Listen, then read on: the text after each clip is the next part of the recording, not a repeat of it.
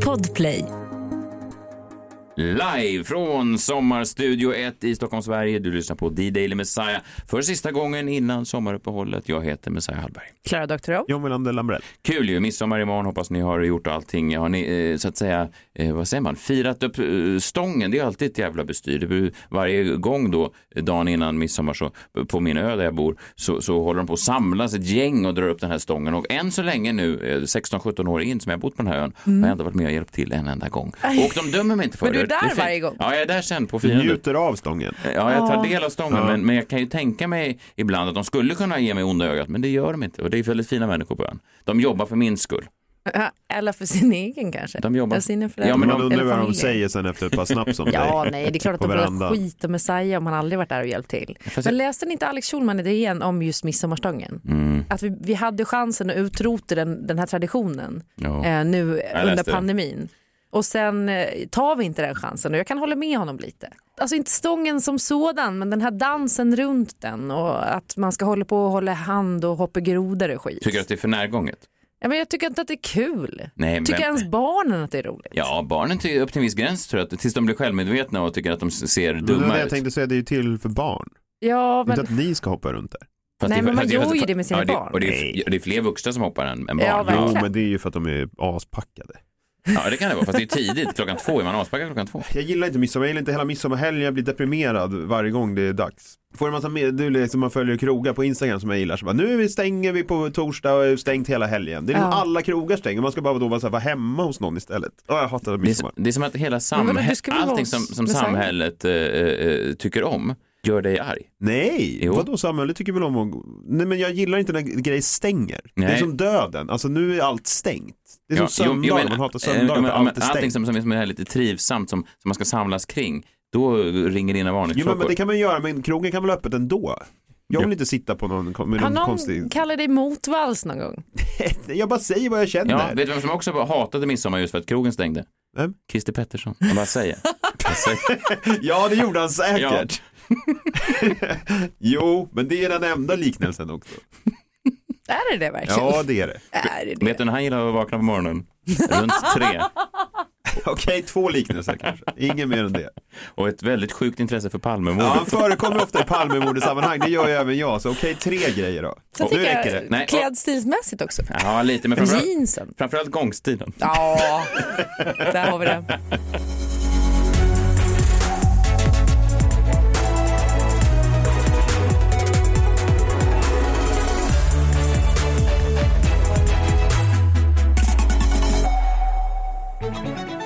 Jag läste nu precis att eh, Nordgren eh, eh, Epstein, Mm. jag tror hon säger Epstein i och för sig, de hade jordgubbsstrategi för sommaren. Jag tänker nu till midsommar och sådär.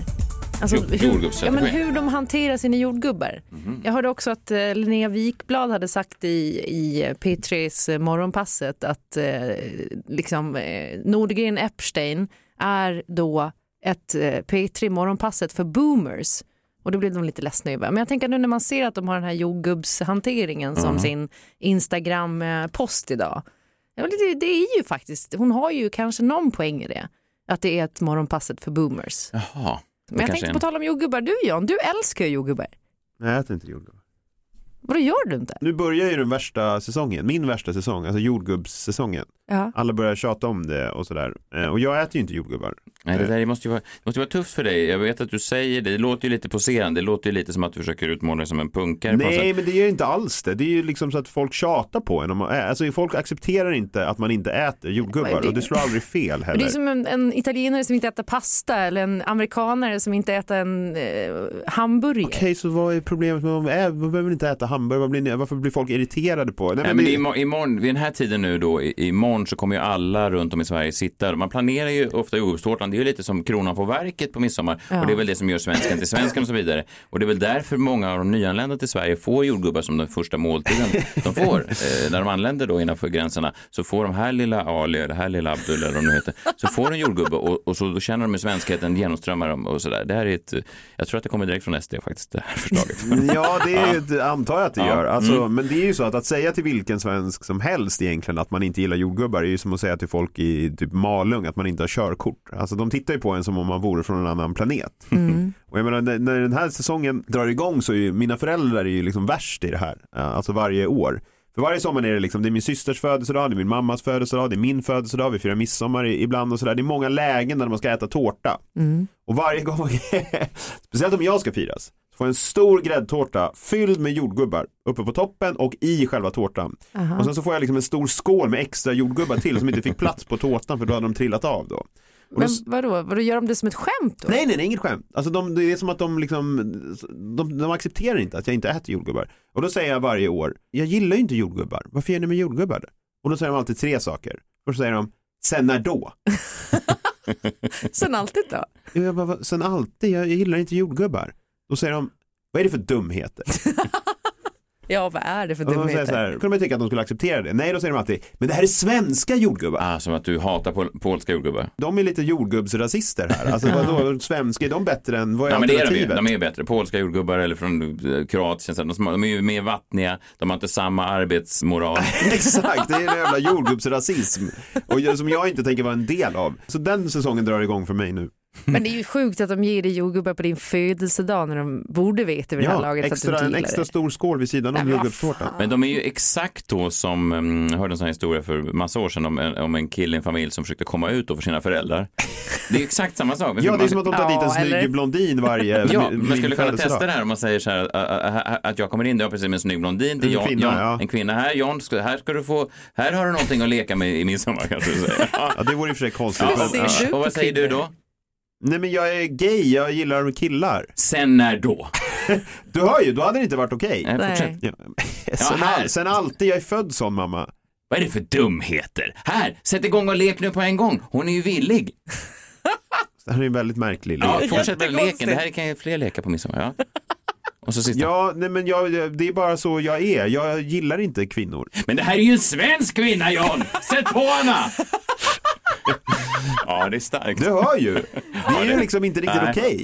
Du, men du kan ju inte rekommendera att folk leker den här leken på midsommar. Nej, man kanske ska kolla innan. Nej, nej, att någon komma ut. Ska vi hoppa säck i år, farbror Messiah? Nej, pappa har skrivit en annan lek. Ja, och sen är det konstigt vilka de här alltså, kvinnorna skulle vara som bara är med på det här att dra sig in i olika. Det låter konstigt. Det är lättare väl då att köpa jordgubbar bara. Ja, köper en kvinna. Jag, ja, jag hoppas det i alla fall. Förhoppningsvis. Förhoppningsvis. det är en uh, ljusskygg annons på Platsbanken på AMS. Blond svensk kvinna sökes till midsommarlek. Ja.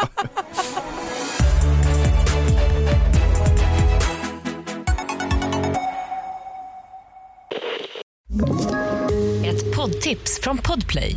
I fallen jag aldrig glömmer djupdyker Hasse Aro i arbetet bakom några av Sveriges mest uppseendeväckande brottsutredningar.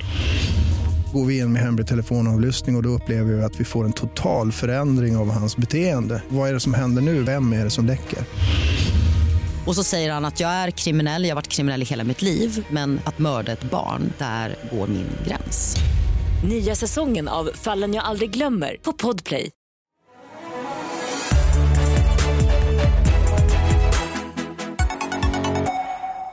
Det är ju faktiskt inte bara vi tre här i studion som firar midsommar utan även Ulf Lundell gör det och vi läser ju hans dagbok eh, vardagar då varenda gång vi har möjligheten och jag tänker att det är intressant att höra vad han gör så här dagen före midsommar. Dagen innan midsommar 2021. Det är typiskt midsommarväder, hälften sol, hälften moln, 20-gradigt. Man hör om en våt vår och därmed snigelår men jag undrar om det egentligen varit så vått här. En snigel skomosade jag idag. Midsommarstämning där nere på gården på Österlen. Han sno- Varför gjorde skomosade. han så? Vad sa du? Det var ju hemskt. Ja, Men också, jag, trodde, jag visste inte att Skomosade. skomose var ett Är han sjuk i ord. huvudet eller?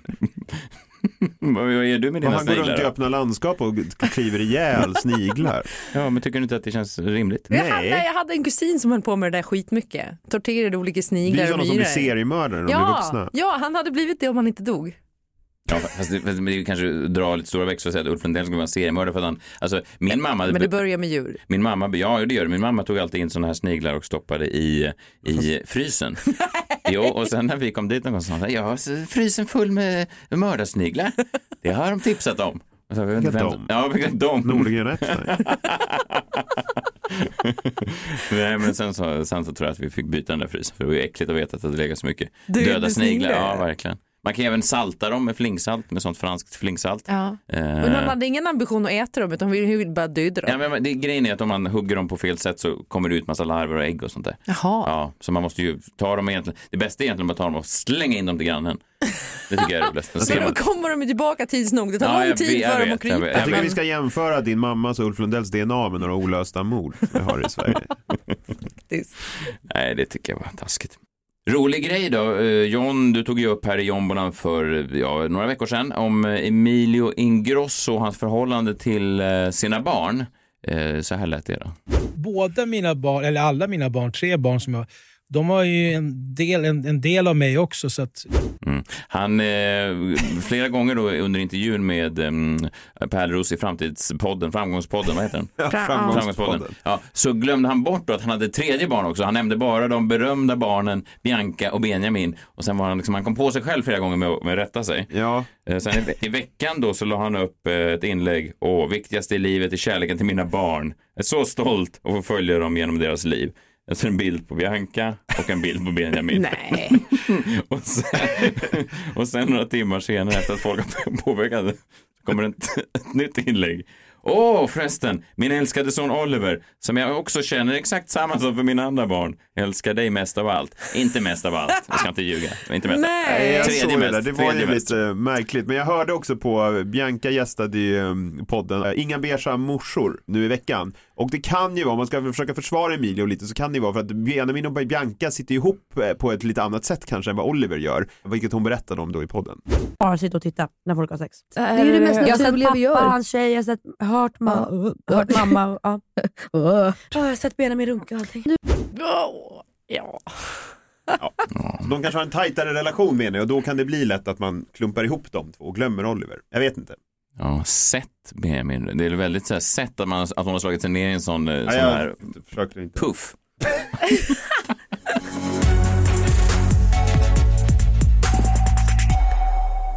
I och med att vi eh, strax går på sommarlov så tänkte jag bara påminna er om att jag ska ut på turné i eh, höst. Det är ju inte ni andra, så det är ju inte Klara John, det är bara jag. Messiah som åker ut med Messiah Hallberg live. Ett livsverk med humoristisk touch. Min eh, tredje solotimme, eh, den första solotimmen kan ni se på Netflix, den andra solotimmen ligger på SVT Play. Det här är då den tredje och har premiär 1 oktober i Växjö. Sen är jag i Göteborg, Gävle, Örebro, Jönköping, Lund, Halmstad, Linköping. Ja, och sen fortsätter vi eh, längre fram i hösten med massa andra städer. Stockholm är först januari 2023 på Rival. Så in på karlo.se eller messiahallberg.se och eh, köp dina biljetter. Det är en perfekt sommargåva till någon du älskar eller någon du hatar. Alltid lite vemodigt sen när man uh, sammanfattar en säsong. Det har varit ett år då eh, tillsammans med er. Vi gjorde ju Energy innan, men ja, ett drygt år och sen har vi gjort det här nu ett år. Och det blir ju vissa sådana här segment som man känner, oj, är det sista gången man får höra den där vignetten? Men då behöver man inte vara rädd då, för den här, det här segmentet fortsätter ju för att utmaningen som jag fick då, jag minns väldigt tydligt eh, när jag fick just det här uppdraget från, jag minns det väldigt tydligt från Richard Dawkins, den nya vdn här på Bauer Media Head of President of Audio. Eh, Det är alltså presidenten av allt ljud, det är otroligt. Tänk Så om om man hör ett ljud någonstans, då vet man att Richard Dawkins äger det. Ja, och det ger honom eh, såklart obekväma arbetstider för han alltid måste vara på, på tårna. Men, Men det finns också- ju alltid något ljud som Ja, låter. men det är alltid en jävla kontroll. I alla fall, då tog han en paus från sitt hektiska ljudliv och gav mig uppgiften att äta då eh, en ny glassmak eh, varje dag hela sommaren. Så det här fortsätter då även efter sommaruppehållet och det gör ju både mig och lyssnarna väldigt Det är så gott med glass och det finns så många smaker En miljon glassar och en miljon smaker Messiah testar alla glassar som finns Hej, hej, hej. Igår var det onsdag, då åt jag, eh, som jag sa då, Fiore de Latte. Eh, Det som också mycket riktigt John och Klara kan vara en ost, men det är också den eh, prominenta smaken på italienska glassbarer. Det är den som avgör hur bra glassbarerna är. Igår var den, var smarrig. Det finns att köpa literhinkar. Men idag då, dagen innan midsommar, torsdagen 23 juni, sätter jag i mig ingenting annat än glass. Ja, romrussin med lite, lite chokladströssel på toppen. Smums. Det är så gott med glass och det finns så många smaker. En miljon glassar och en miljon smaker. Messiah testar alla glassar som finns. Hej! Det är ju en pappaglass. Mm, jag vet, så, så är det ibland. Ibland blir man en eh, sån extrem glasskille när man går in på Fior di Latte och så vidare. Men ibland så är det mer en, en, pappaglass, en, en rombrussin till exempel. Mm. Eller en farbror Arnes minns vi. Men är det här glassar du gillar? Eller jag fattar liksom inte riktigt vad... Nej, precis. det, det är inte att du recenserar de här glassarna? Nej. Eller säger vilka som är goda? Nej. Du var ju någon du inte tyckte var god. Mm. Men vad är Nej. syftet med det? Mm. Det enda vi liksom får inte. veta är ju att det går igenom ditt tarmsystem. Mm. Det är liksom in där och ut på andra sidan. Mm. Det- Den informationen vi har. Ja men så är det, men det är också en, ju sån här sommarsegment. Folk gör ju det i alla sådana här program. Det är ju, man ser Steffo ut och dricka vin i parkerna. Det är väl det, man väcker sommarkänslan hos folk. Folk älskar ju glass och man får folk på glatt humör. Sådär. Vissa, Ja. vissa saker gör man för, för, inte för sig själv utan för andra. Det är gulligt att du tänker på folk Ja, som så är det. vill det är ha en glass väldigt viktigt. Väldigt viktigt. Mm.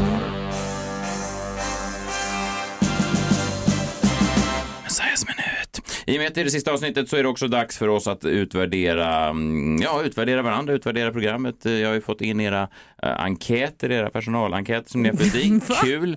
Eh, ni har ju fått fylla i då, eh, Klara och John, vad ni tycker om ja, eh, ert jobb här och, och mig som kanske arbetsledare, om, om det, ja, det är era ord. Eh, och så Det vidare. skulle ju vara anonymt. Ja, precis. Ja, jag, jag, jag vet inte vem, det, det är anonymt, men, men jag vet inte vem som har klickat. Men jag har fått, ja, eh, how meaningful is your work? Eh, då kan man säga extremely meaningful, very meaningful, moderately meaningful, slightly meaningful, eller not at all meaningful. Och då har ni eh, båda då kryssat i extremely meaningful. How challenging is your job? Extremely challenging. Det är kul att ni ser en utmaning.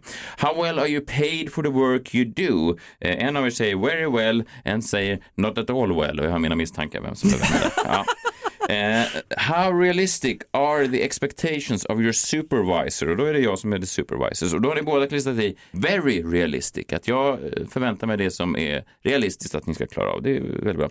How often do the tasks assigned to you by your supervisor, återigen det är jag, help you grow professionally? Och då har ni båda klickat i extremely often och det gör mig glad. Det gör mig väldigt glad. På Att, engelska. att ni växer, eh, ni växer som människor helt enkelt av att jobba med mig. Det är väldigt fint. How many opportunities do you have to get promoted where you work? Och då har ni kryssat i båda två, none at all. Och det är väl rätt? Det är väl rätt, det finns ingen Nej, chans. jag vet inte vad man, det, man skulle bli Nej, exakt. promoted till. Nej. Eh, are you satisfied with your employee benefits? Eh, och då har ni båda klickat i eh, extremely satisfied. Det är alla då de här extra perksen som ni får. Ja, men till exempel att ni får komma in här varje dag och spela in. Till exempel. Det är ju arbete, det är ingen perk. nej, Det ingår ju. Nej, men och träning, att ni får fri friskvårdsbidrag. Friskvård. Ingenting! Att ni får eh, smaka på min Nocco. Det har jag inte heller fått. Nej, men konstigt att ni får valde extremely satisfied. Ja. Och sen sista frågan, do you like your employer? Ja, ni kunde välja mellan like a great deal, like a moderate amount, like a little, neither like nor dislike. Den är ju konstig. Dislike a little, dislike a moderate amount eller dislike a great deal.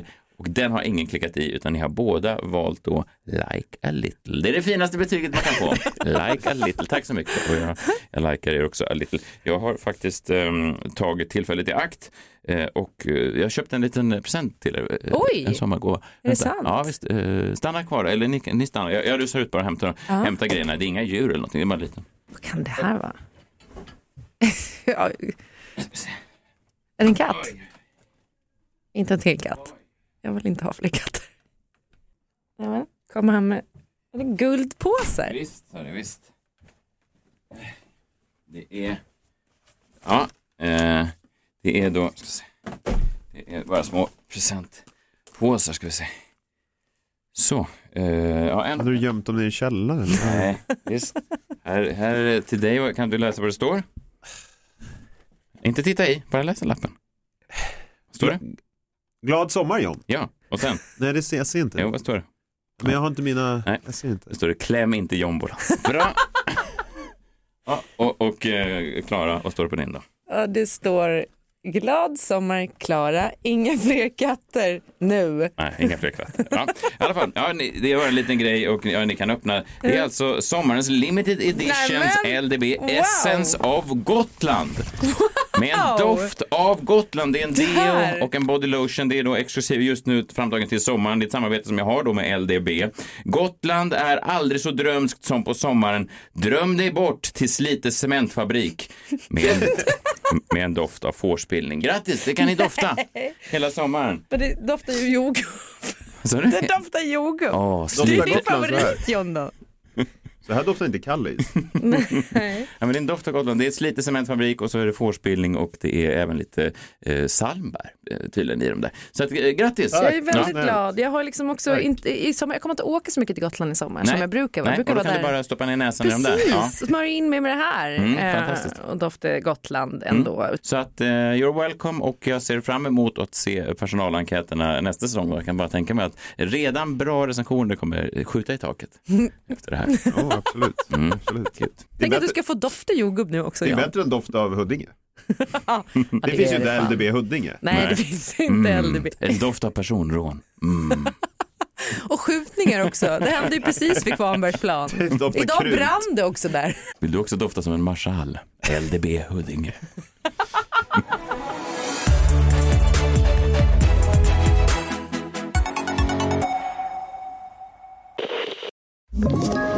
Ett poddtips från Podplay. I fallen jag aldrig glömmer djupdyker Hasse Aro i arbetet bakom några av Sveriges mest uppseendeväckande brottsutredningar. Går vi in med hemlig telefonavlyssning och, och då upplever vi att vi får en total förändring av hans beteende. Vad är det som händer nu? Vem är det som läcker? Och så säger han att jag är kriminell, jag har varit kriminell i hela mitt liv men att mörda ett barn, där går min gräns.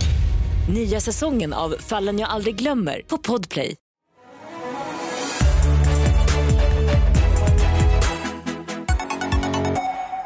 Har du redan gått på semester eller har vi, har vi tid för en eh, krimmorgon? Det här ser jag mycket fram emot. Det här ser jag mycket fram emot. Jag har inte gått på semester. har inte gått på semester? Nej, tvärtom. Nej, men då trycker jag på knappen. Är du med på det? Ja, för idag blir det ett uppsamlingshit. Oh, jag älskar uppsamling. Då trycker jag på knappen. Är du med på det? Ja. Jag trycker på knappen nu. Det finns ingen chans att ångra dig om jag trycker på knappen nu. Tryck Jag på trycker på knappen. Okej, jag trycker. Krimmorgon.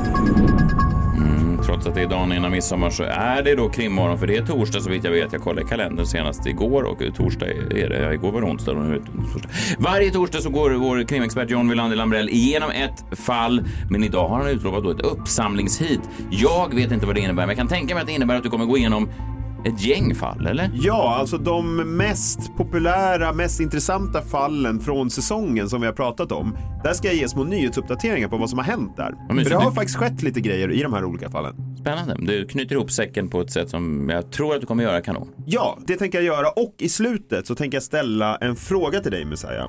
Och den frågan behöver besvaras nu, on the record så att säga. Så det kan du... Ja. Är den kopplad till krimmorgon du? Den är kopplad i allra högsta grad till krimmorgon, men den tar vi sist. Okej. Vi kan ju börja lite grann då med, eh, vi pratade om Katrin da Costa. Där har det ju kommit en ny spårsäsong nu. Ni vet spår, podcasten Spår. Podcasten Spår med Anton Berg och den andra killen. Ja, precis. Anton Berg 2 tror jag den heter. och eh, nej men den eh, tar ju upp då Katrin da Costa-fallet och det som vi pratade mycket om var ju då hur det här lilla barnet, det vill säga allmänläkaren som blev i princip dömd för mordet då. Han blev friad men det stod i domskälen att han hade styckat kroppen. Hans lilla dotter då som var ett och ett halvt år vid tillfället hade ju varit eh, åklagarens kronvittne och blev dömd på hennes då berättelse som, i princip, som vi då lyssnade på som i princip bestod av eh, att hon sa burr burr burr. och det som är intressant med spårsäsongen nu, det har inte hänt så mycket de första två avsnitten, men det som är lite intressant nu är att de ska nog försöka få tag på den här dottern, för hon är ju runt 40-årsåldern idag och hon har inte haft kontakt med sin pappa. Har hennes språk utvecklats under tiden? Det får vi ju se, det är Ja. det som ska bli så spännande, men det man undrar är ju så här, om hon får tag i henne nu och hon bara... ja, det skulle också förklara ett och annat. Men det, det som man hoppas på i alla fall i det här, jag tror inte att kanske att de kommer hitta något nytt i Katrin da Costa-fallet, det låter inte så. Men det man hoppas, eller som jag hoppas i alla fall, det är att den här dottern kanske kan liksom på något sätt inse att hon har hon har ju blivit lurad på något sätt. Alltså hennes pappa är ju inte en styckmördare. Han mördar inte Katrin da Costa och hon har inte fått ha kontakt med honom på alla dessa år. Jag hoppas att det kan ske någon uppdatering där, så den kan man lyssna på då.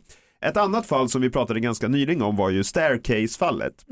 Kathleen Petersons död när hon hittades, ja då antingen mördad eller dödad av en olyckshändelse eller av en uggla på botten av en, eh, en trapp då 2001. Det var ju, kom ju en ny HBO Max-serie, har ni sett hela den nu? Mm, eh, absolut, mycket bra måste jag säga. Mycket, mycket Väldigt bra. bra. Jag var väldigt skeptisk till en början, vad kan man göra för nytta av det här? Men jag tyckte den var eh, oerhört bra. Och i samband med att den här HBO Max-serien kom så intervjuades Michael Peterson, som idag är 78 år gammal, i Good Morning Britain bara här om veckan. Alltså på ITV, då eh, liksom deras motsvarighet till Nyhetsmorgon. Och eh, ja, men det är ju intressant att höra från honom då, för man undrar ju om han nu mördade Kathleen Peterson. Varför ställer han upp på den här intervjun och varför försäger han sig aldrig? Kan vi kolla om han gör det nu? What happened? Did you push her down the stairs? No, I did not. Did you did you hit her with a poker? No, I did not. So explain those accusations. I can't. One, that's one of the strangest things because we hired forensic pathologist, Dr., the major one in America, uh, Dr. Henry Lee, and Leetsma, uh, Jan Leetsma, who's the foremost neurosurgeon, and they looked at all the evidence and they said no, it, she was not beaten to death. And I don't know. I never myself could figure it out. When I first saw the lacerations, I was horrified. I, re- I really was. I saw him in my uh, lawyer's office, uh, and he showed me. And I was like, God, that's awful. Ja, awful. Tycker ni han låter trovärdig? Ja, ja, det gör han väl, men det är svårt att avgöra också. Han om han nu skulle ha ljugit så har han ljugit så många gånger att, att han borde kunna ta de här historierna från from the back of his head. Liksom, Ja. sätt. Men, Kanske är det så. Ja. Men det som var så intressant med den här serien, det var att de dramatiserade de tre olika eh, möjliga händelseförloppen. De dramatiserade hur han skulle kunna mördat henne, hur Kathleen skulle kunna ramla till trappan och då hur hon skulle kunna blivit attackerad av en uggla. Tyckte alla de här dramatiseringarna lämnar den med att så här, ja, de här tre låter alla plausibla. Framför allt då tycker jag ju uggleteorin. Ja, För samma här. Det som man ser i den här, i den dramatiserade versionen av Ugglehändelsen, det är ju att eh, det förklarar ju så mycket. Det förklarar ju då dels varför hon har ugglefjädrar eh, i håret, dels den här såret som ju precis på i hennes huvud som precis ser ut som en uggletass eller vad fan det heter. Klo, och det här uh, blodet på ytterdörren, det vill säga att någon, hon har tagit i den när hon har gått in då, blivit attackerad av det. Och den här trappen ligger ju precis bredvid den här dörren. Så att hon skulle kunna ha blivit attackerad av en uggla är ju väldigt plausibelt. Men Däremot den här Steffo Törnqvist-kopian i Good Morning Britain, han verkar inte ha förstått, alltså, han trodde att den här ugglan satt och liksom lurade på Kathleen Peterson in i huset med, med hans fråga, vi kan väl lyssna. was one report that said that she was attacked by an owl. Oh yes, there there is. In fact, my attorney right now believes that absolutely is the is what She, happened. she was savaged by an owl at the top of the stairs. Oh no no no no no no! That's another one that was all misconceived. You know, there was an owl in the house. No, it was outside. That she went outside for some particular reason. Probably it was during Christmas. We were going to put up decorations.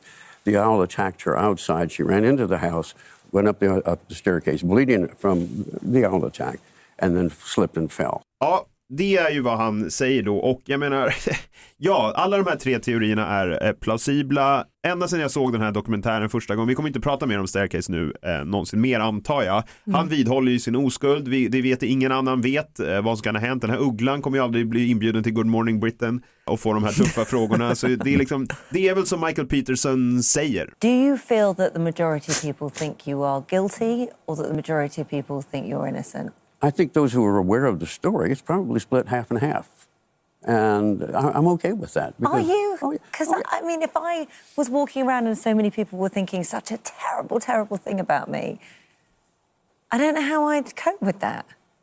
Well, at my age, 78, you really you don't give a damn much about it anymore. But even then, as my son Todd said, Dad, those people who believe that you're innocent will always believe you're innocent. Those who think you're guilty will always believe you're guilty. Mm. So, you know, there's no point in even pursuing it anymore.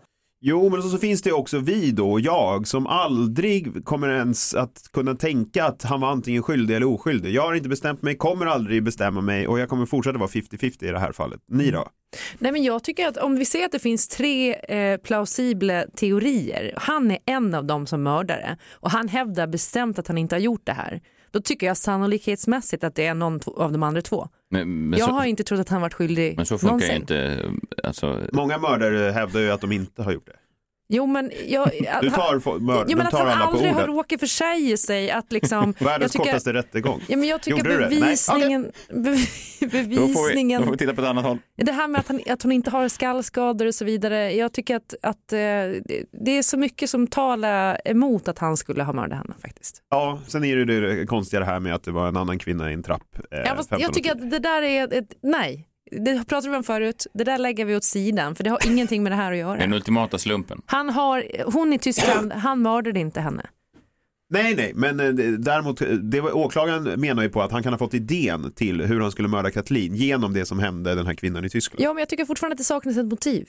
Så här kan vi sitta tills eh, Mm. hela sommaren. Vi går vidare till ett annat fall istället då. West Memphis 3. Ja, men det är ju det här fruktansvärda där tre åttaåriga pojkar hittades döda i en bäck eller en kärn i West Memphis i Arkansas. Som sen också blev eh, grunden till eh, den berömda boken eh, Vi som såg.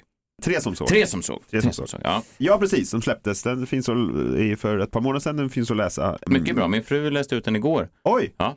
Hon tyckte det var mycket spännande. Hon, satt, hon brukar sällan sitta och, och, och plöja böcker. eh, Inte för att hon... Ja, strunt samma. Hon satt och och plöjde den så att hon tyckte det var mycket bra. Ja men vad roligt. Ja Mm. men där finns ju min teori om vad som hände. Men det har faktiskt också skett en konkret uppdatering i det här fallet. Vi kan väl lyssna. Those shoelaces used to tie up the children is the main piece of evidence the defense wants to test, and they're confident it will reveal the true criminals. whoever put the knots in those ligatures, despite the fact that they were in water for 24 hours, gives us a good shot at getting the DNA and the people who are directly responsible for these crimes. But getting the chance to test that evidence hasn't been easy, with prosecutor Keith Cressman continuing to deny it. Banka says that's why they're going to court in June, leaving the decision up to a judge. Ja, Precis. alltså något nytt möjligt DNA-bevis. De som blev dömda för det här felaktigt och sen blev utsläppta, de har ju hela tiden velat, alltså kan inte DNA-testa den här bevisningen som finns då? Medan åklagaren i det här för alltid har sagt nej då. Jävla odugliga Fick, fick, åklagare. fick inte, rätta mig om jag har fel, fick inte både då Michael Peterson som du pratade om och de här tre mm, ungdomarna då skriva på samma typ av uh, Alford plea? Yes. Båda två fick, Båda två. fick Mm. acceptera att de var skyldiga då i lagens mening samtidigt som de släpptes ut. Samtidigt som de kunde säga jag är oskyldig. Ja, de kan säga det fast de säger också... Nej, de säger, man kan säga I'm, I'm innocent but Ja. I plead guilty. Ja. Mm. Så det är ju deras plea då. För att de, det som en Alfred plea är, det är att man säger så här, jag är oskyldig, men jag går med på att det finns tillräckligt med bevis så att en jury skulle kunna fälla mig för Mm, det. Så okej. det är det man säger. Ja. Så att det är inte riktigt att man säger att man, är, att man är skyldig. Men det som är så intressant med det här nu, det är att en domare ska få bestämma nu, jag tror att det är den här veckan faktiskt, om de ska få DNA-testa den här bevisningen som finns då. Det är ju superintressant för de ska ju testa de här skosnörena Mm. som pojkarna var bundna med. Där kan det ju finnas DNA. Det kanske vi får anledning att återkomma till efter sommaren. Sen då vidare John Benet Ramsey Mm. pratar vi om. Det fallet som jag har ägnat kanske mest tid åt tillsammans med Palme. Det som har hänt där då, det är att hennes pappa eh, John Ramsey eh, var ute bara här om veckan då. Han deltog i någonting som heter CrimeCon i Las Vegas. Där han blev intervjuad på scen. Han brukar inte göra så många offentliga framträdanden, men där blev han intervjuad på scen och var med lite och gjorde lite mediaintervju då. Och så fick han ju såklart frågan, var det du som mördade din dotter? Vi kan höra vad han svarar. John, we, I need to ask the question for all these people here. They need to hear your voice. Did you murder your daughter? No. Did Patsy? No. Did Burke? No, that's no. Why should we believe you? Well, um, based, based on what the media reported, I don't know how you could believe otherwise. Nej, och så var det ju verkligen. Det vill säga media rapporterade, Joyce Carol Oates skrev en bok och massa skit som var fullt av felaktigheter och dumheter som gjorde då att den allmänna opinionen var eh, emot. Eh, föräldrarna trodde att de hade mördat deras dotter som var byggd på massa trams och felaktigheter. Om någon lyssnar tror att John Ramsey eller Patsy Ramsey mördade eller Burke mördade John Benet, sök hjälp. Men vad vill John Ramsey nu då? Jo, han vill någonting ganska specifikt. Här är från en medieintervju han gjorde. Weekend at the CrimeCon convention in Las Vegas, John asked people to sign a petition calling for the governor to hand over the DNA to another agency for testing. More than 2,000 people have signed it so far. That's the objective, is to bring public pressure on the government to do the right thing. If you could make a direct plea to Governor Polis, what would you say? Please do the right thing here. This is a subhuman creature that did this. And I don't know that I'm told that they this isn't a one-time thing for a criminal of that nature. He may have murdered other children since. He may have murdered children before. We don't know. That's got to be put to bed. John Ramsey, John Benets pappa, vill ju alltså då att bevisen ska flyttas bort från den här odugliga jävla polisavdelningen i Boulder där det här brottet skedde. Flyttas bort till någon annan då myndighet, FBI eller någon annan som ska då få hantera den här bevisningen, göra nya DNA-tester Men som vanligt så är det då det är någon jävla guvernörnisse i det här fallet, det är någon åklagare i West Memphis 3-fallet som inte vill testa då nytt DNA, göra nya DNA-testningar. Varför inte, undrar jag. Mm. Vad kan det komma för dumt ur det? Att bara göra nya tester.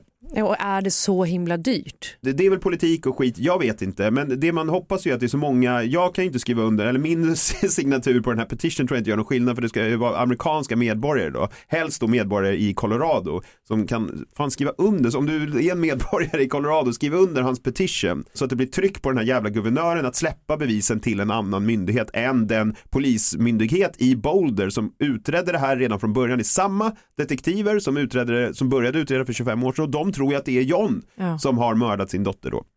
Men jag tänker också i USA så det har ju varit tydligt i väldigt många andra fall eh, eftersom det är olika delstater och de styrs på olika sätt så har de varit dåliga på att samköra systemen det är ju så väldigt många seriemördare har kunnat förflytta sig mellan stater och komma undan rätt länge fastän liksom, man egentligen har bevisningen om man hade jobbat på en federal nivå så hade man kanske tagit fast någon tidigare och sett att det är Visst, det man ska göra så här, det är såklart, man ska göra samma grej som man gjorde med Golden State Killer. Alltså Ja, man ska skicka exakt. in det här i de här Ancestry och, och alla de här uh, för det släktforskningsdatabaserna. fanns det DNA på Ja, det finns från en okänd... Men har, ja, man, alltså har inte gjort okänd... det? Har man inte samkört det med... eh, De har inte gjort ett skit. Nej, det är de har inte gjort Ja. ett skit, förstår Fan, du vad sjukt. frustrerande? 25 Ja. år, de gör ingenting. De har en unknown male number one med då DNA från hennes, ja, liksom på ställen där det ska inte vara något DNA Nej, från en eh, okänd okänd. man där och under hennes fin- fingernaglar.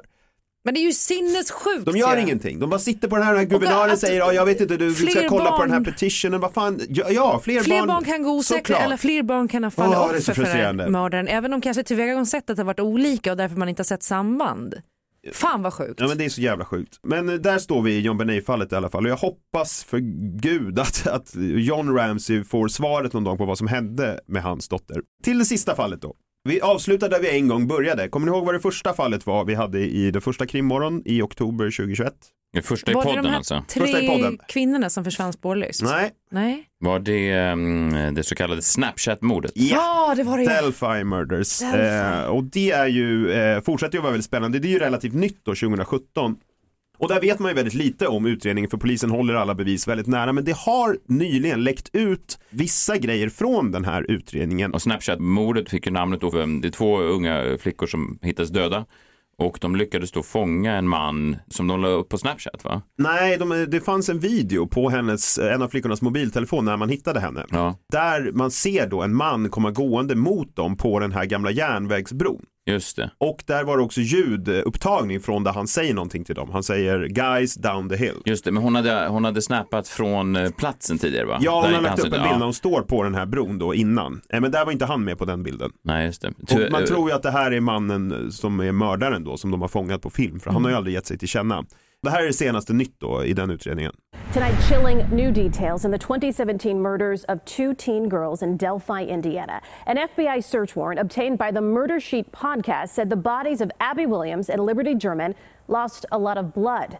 The warrant also noted that the killer may have staged a murder scene and took souvenirs, but the warrant did not specify what they were. The warrant also disclosed a landowner named Ron Logan couldn't be ruled out as the man recorded on German's phone saying down the hill. The girls' bodies were found on his property a day after they disappeared. Logan died in 2020. Ja, det har alltså kommit fram att FBI har misstänkt en man som heter Ron Logan. Som, ja, alltså som de säger här, det var ju så på hans tomt som flickorna hittades. Och tomt är ju inte lite som en så här det är lite staket och så låg de där utan det är en enorm Mark mark, där, eh, mark ja. då. Mm. Och det här är liksom ute i, det, det är inte så mycket bebyggelse där, det är den här jättebäcken och den här stora bron.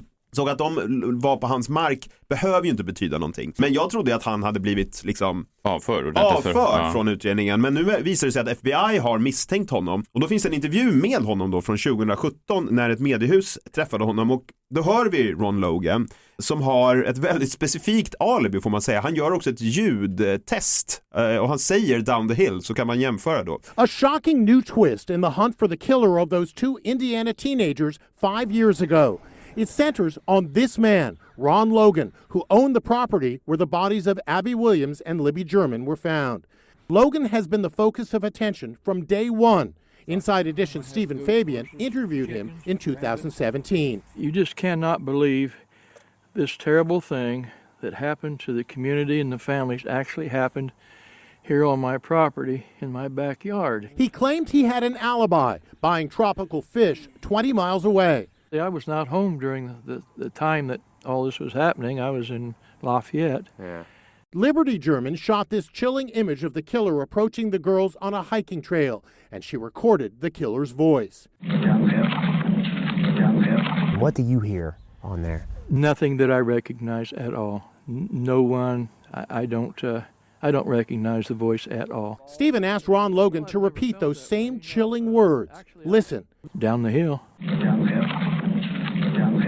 The newly revealed search warrant says Ron Logan's voice was not inconsistent with that of the person in the video. And that image of the suspect, the warrant declares Logan's physical build is consistent with the suspect. Logan had his own take. The picture is of such poor quality, it doesn't look like anyone I've ever seen. Down the hill. Down the hill. eh, jag tycker inte att rösten låter speciellt lik. Jag gillar inte honom som eventuell misstänkt. Tycker inte han ser ut som mannen på bron. Tycker också det verkar väldigt märkligt att han skulle genomfört det här brottet på sin egen tomt. Eller hur? Det påminner i och för sig om den Making a Murder, han som då skulle eldat upp eh, på sin egen tomt. Jo, precis, men där fanns det ju andra personer att sätta dit som också befann sig på tomten då. Så om man tror att det är Steven Avery eller inte så var planen alltid att försöka sätta dit någon annan Mm. Ja. som befann sig på tomten. Här är det, här, han bodde ju där ensam liksom. Mm. Så att, Men jag menar, eh, om Steven Avery skulle ha gjort det i Ja. Making a Murder så hade han ju då mördat och försökt elda upp någon på sin egen tomt. Jo, precis. Men då försökte han i alla fall elda upp dem istället för att bara lämna Ja, dem där. nej, så att, men eh, ja, och eh, sen, tror jag, sen är ju Steven Avery inte liksom världens är väl- skarpaste nej, kniven i lådan. Medan den här Ron Logan vet jag inte med om, men han köpte i alla fall tropisk fisk i Lafayette, 20 miles away, vid tiden för mordet, vilket Ja, jag vet inte vad det är. Det är i alla fall ett väldigt specifikt alibi. Tropisk Ja. fiske. Ja, det är konstigt. Så att jag menar det här fallet fortsätter ju att eh, fascinera och här kommer min fråga Messiah. Va? Är ni med? Eh, Ja, ja, jag tror det. Ja, eh, eh, mm. Ja, och Klara du är med på det här också? Jag är med. För att den här bron då ligger ju i Delphi, Indiana. Bron som mannen gick på, bron som flickorna mötte sin mördare på, som är med på den här filmen. Den bron ger mig lite bara rysningar att tänka på och vi ska ju då åka till Chicago på lördag, jag och Messiah, som är då alltså en och en halv timmes bilresa från Delphi, Indiana. Ja, så Kan vi, pretty please, ta bil, åka till Delphi, till den här jävla bron och gå upp på den bron? Gud, jag fick lite rysningar. Alltså, vilka, alltså jag får ry- alltså, Ja. bara säga liksom, såklart ni ska göra om ni är så nära. bara jag säger bara kom på den här idén så Nej. känner jag, och vi har ju besökt många och ni kan gå mordplatser. down the hill också. Ja, och vi har ju besökt många mordplatser eh, tillsammans. Men det som... Ja, det Ja, ju. ja, Jo, men det det är här- det som limmar ihop er vänskap. Ja men och det ger ju alltid lite rysningar. Men det här är, anledningen att det här är så speciellt, vet du vad det är? Nej. Att han fortfarande är där ute.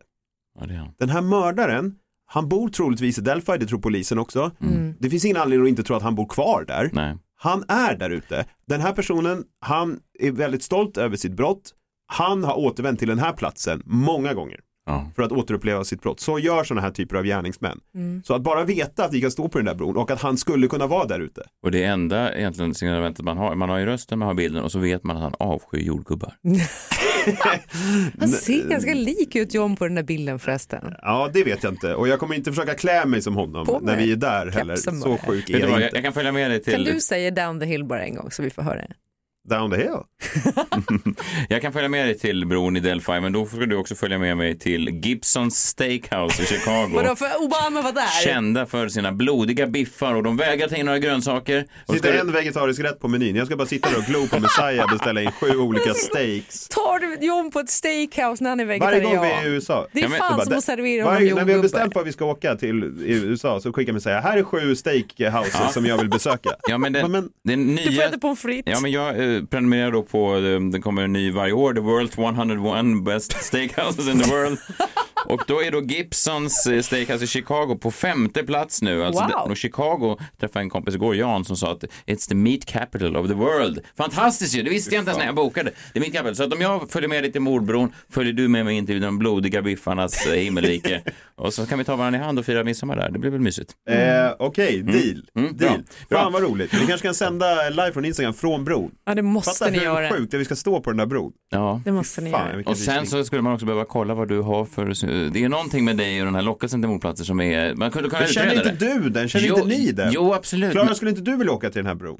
Jo, absolut. Men jag blev ju inte bjuden till Chicago med er. Nej, det blev du inte. Nästa år. Ja, nästa år. Det finns alltid, vi har Så alltid sa nästa ni år. förra gången ni Ja, reste sa- ihop också. Ja, det sa vi faktiskt. Men vi har gjort det, ni lyssnare, ni har gjort det också. Vi tog oss igenom det och... eh, Ja, men det får man väl ändå säga. Ja, det är det. Så upp med midsommarstången, fram med jordgubbarna, på med bromördarkläderna. Så hörs vi igen eh, i augusti. Ja, vi får tacka för oss. Det var allt vi hade. Hoppas ni har haft eh, en härlig stund med oss, de här 155 avsnitten eller vad vi nu har gjort. Eh, det har varit kul att göra det, Daily Messiah. Gå in och följ oss på Instagram och Facebook och allt sånt där som ni använder. Så hörs vi lite under sommaren. Vi kan bara utbyta några ord, vi och, och ni, och så kan vi bara mötas där när sommaren är över. Det blir fint. Ja, okej, eh, tack för nu då. Jag fick inga presenter av er förresten. Nej, det, det komma. Min present till dig är att vi ska tillsammans åka till bron i Delphi. Kan Och du få jag är en med på finare den. present? Jag har, vi, eller hur Johnny? Ja, ja, ja. Du, ja, och jag går med dig till det här jävla steakhouset. Många presenter ska du ha. Ja, ja, okej. Hej! Hej! Trevlig sommar. Glad ja, sommar. Ja, glad sommar på er. Eh, verkligen. Det här, Jag kommer att sakna er. det här gör vi om.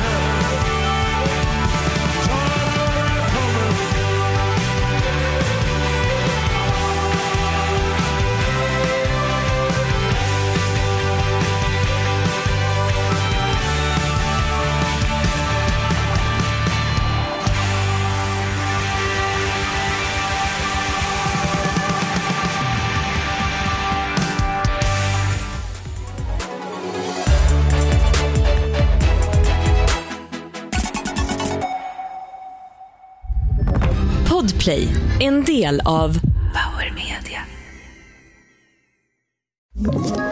Ett poddtips från Podplay. I podden Något Kaiko garanterar östgötarna Brutti och jag, Davva, dig en stor dos skratt. Där följer jag pladask för köttätandet igen. Man är lite som en jävla vampyr. Man har fått lite blodsmak och då måste man ha mer. Udda spaningar, fängslande anekdoter och en och annan arg rant. Jag måste ha mitt kaffe på morgonen för annars är jag ingen trevlig människa. Då är du ingen trevlig människa, punkt. Något Kaiko, hör du på Podplay. Därför arkadeinerna.